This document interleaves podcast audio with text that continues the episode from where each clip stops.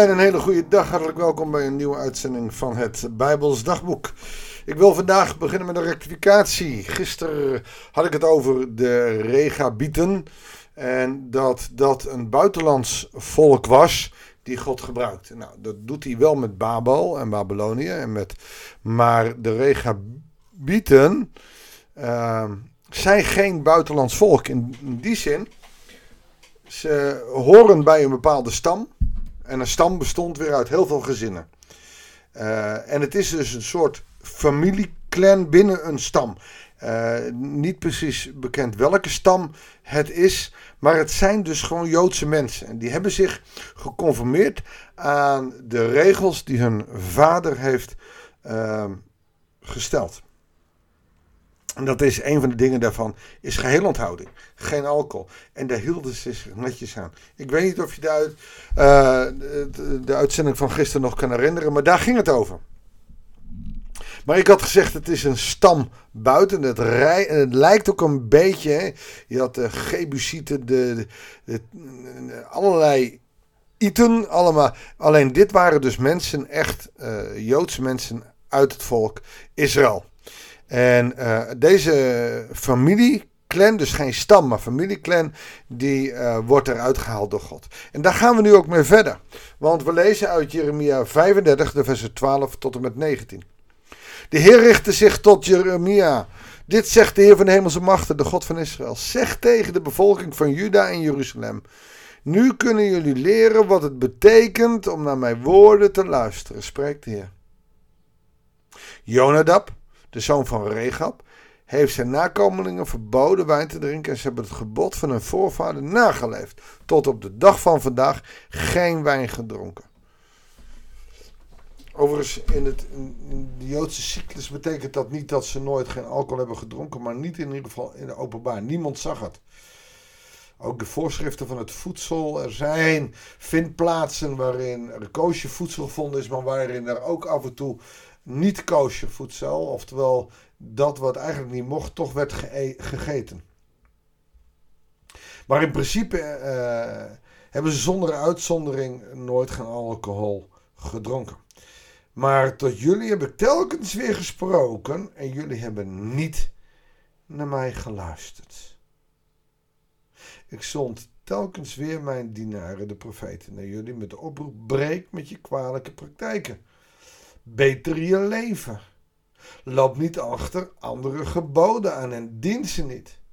Dan zullen jullie blijven wonen in het land dat ik je voorouders en jullie gegeven heb. Maar jullie hebben mij niet gehoorzaamd. Jullie hebben niet naar mij geluisterd. De straf daarvoor is dus de Babylonische ballingschap.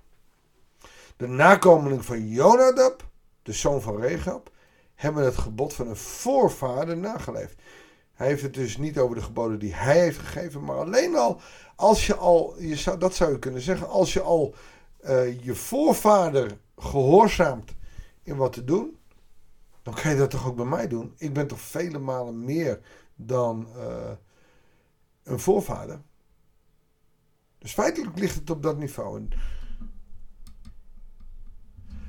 Daarom, dit zegt de Heer, de God van de hemelse machten. En daar komt hij weer, de God van de hemelse machten. Die engelen, legers die er zijn. Hij is de oppergod, hij is machtig, hij is krachtig en dat laat hij zien door deze term. De God van Israël, dat wordt het persoonlijk. Ik ben jullie God.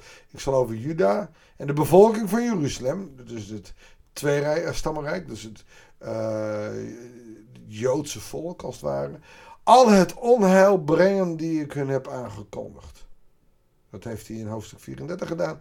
Want ik heb tot hen gesproken, maar ze hebben niet geluisterd. Ik heb hen geroepen, maar ze hebben niet geantwoord. Ook dit is weer te vergelijken met uh, hoe je kinderen opvoedt. Uh, uiteindelijk zeg je, weet je, dan moet je het zelf maar weten. Uh, met kamer opruimen is het op een gegeven moment zo, laat maar die puinhoop.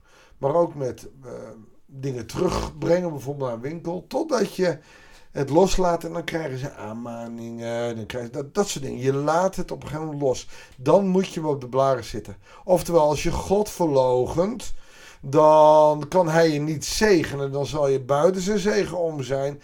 En uiteindelijk zul je het geluk niet vinden. En ik heb gesproken en ik heb geroepen.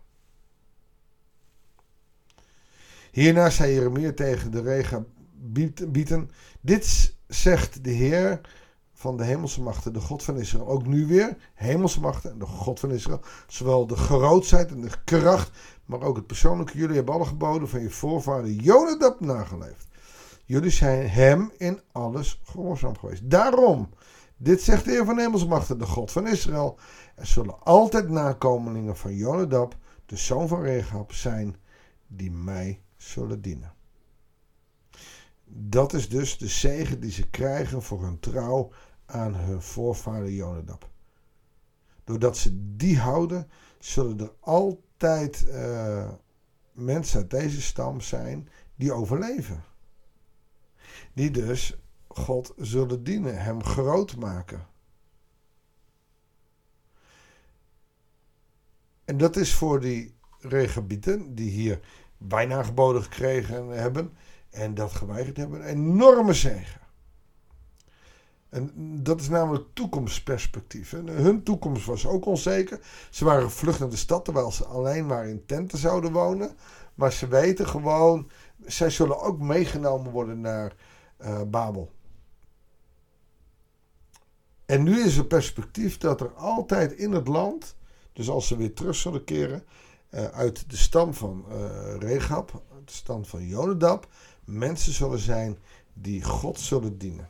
Trouw zullen blijven zoals ze aan hun voorvader Jonadab hebben gedaan. Dat is echt heel bijzonder dat God het die zegt en dat is een belofte waarvan ze zeggen: oké, maar dan zullen we overleven. Dan zullen we volhouden. Want wat God zegt, dat is, dat is niet zomaar wat. Nou, je hoort er niet veel meer over terug. De regenbieten die komen niet veel terug in de, eh, in, in de Bijbel. Eh, deze belofte hebben ze echter wel. En dat is gaaf om te zien.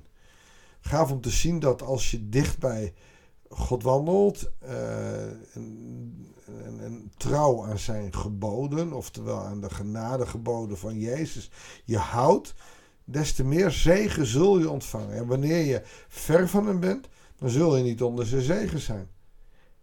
En dat zul je zelfs als een soort vloek kunnen uh, gaan vernemen. En dat is natuurlijk niet wat jij wil. Daarom blijf de blijf dicht bij hem. Loop, ook al snap je niet altijd alles van God. Ook al begrijp je het niet. Ik heb een zuster die uh, voor de 108ste keer naar het ziekenhuis moet. En het enige vaste wat ze heeft, waar ze enorm veel kracht op put, is de geloof. En soms snap ik dat niet. Maar zij houdt vol aan het geloof. Ze zegt, als ik dat niet had, dan weet ik niet meer of ik er nu zou zijn geweest. Dat houdt haar leven, dat houdt haar overeind. Dat geeft haar hoop, dat geeft haar kracht. En dat is precies wat Jezus ook beloofd heeft. Dat zullen we ontvangen. Geen prosperity, geen rijkdom en niet alleen maar gezondheid. Nee, uiteindelijk zal hij, hij zal je rust geven. Hij zal je kracht geven, zal bij je zijn. Juist ook in die ellende. En dat is dan het geweldige nieuws. Mooi hè? Dus ik kan je alleen maar oproepen, blijf dicht bij de Heer. Laten we daar maar voor gaan bidden. Heer God, ik wil u bidden voor al die luisteraars van de podcast. Wil, wil ze het verlangen geven in hun hart om elke dag weer opnieuw dicht bij u te zijn. Om u te begroeten, Heer, hier ben ik uw dienaar of uw dienares. En ik luister naar u. Spreek, Heer, want uw dienaar luistert. Zo Samuel dat deed. Heere God, leer ons zo niet alleen onze eigen gebeden te hebben, maar ook gewoon uh, naar u te gaan luisteren. Uh, kijken wat u met ons voor heeft. Zegen ons zo deze dag. En alles wat we tegenkomen, Heer, behoed en bewaar ons. Dat bidden we in Jezus' naam. Amen. Dankjewel voor het luisteren. Ik wens je God zegen. En heel graag tot de volgende uitzending van het Bijbelsdagboek.